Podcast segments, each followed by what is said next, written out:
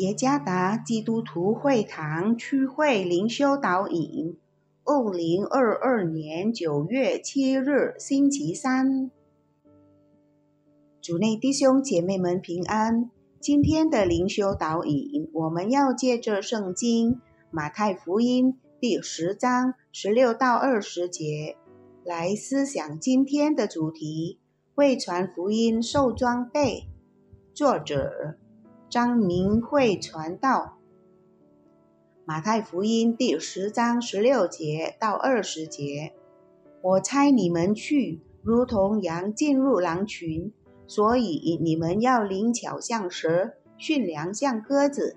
你们要防备人，因为他们要把你们交给公会，也要在会堂里鞭打你们，并且你们要为我的缘故。被送到诸侯君王面前，对他们和外邦人做见证。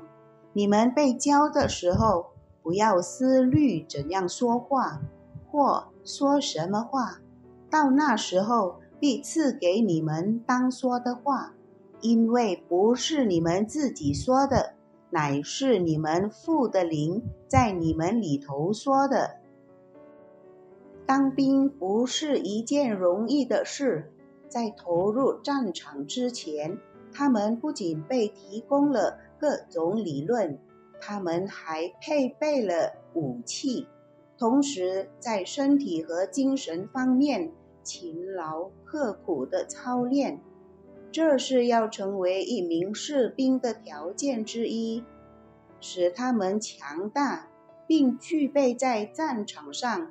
面对敌人的战略，当时耶稣的门徒也是如此。在他们还没有被差派去传福音之前，耶稣已先告诉他们将被差如同羊进入狼群一样。这意味着在传福音的事工上，他们会面临许多的威胁，可能会有许多不喜欢他们的人。甚至会故意找他们的差错，陷害他们，被判刑。他们将受到苦楚和逼迫。因此，耶稣嘱咐他的门徒们要灵巧像蛇，驯良像鸽子。灵巧意味着不要害怕，但知道应该如何面对憎恨他们的人。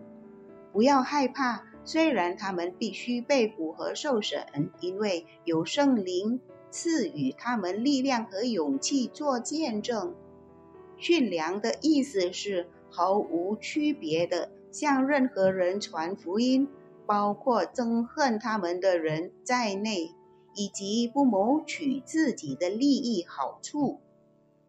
作为基督的门徒，我们也被猜到。为认识主的人中间，无论是在我们的家庭，还是在我们的工作场所，当我们要传福音时，我们每一个人都可能会经历同样的挣扎。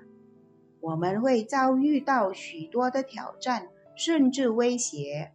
但是要记住主的话，不要害怕。我们要灵巧像蛇。驯良像鸽子。当我们传福音时，圣灵将以智慧和勇气装备我们，去面对每一个挑战。相信吧！当我们传福音时，圣灵将以智慧和勇气来装备我们。主耶稣赐福。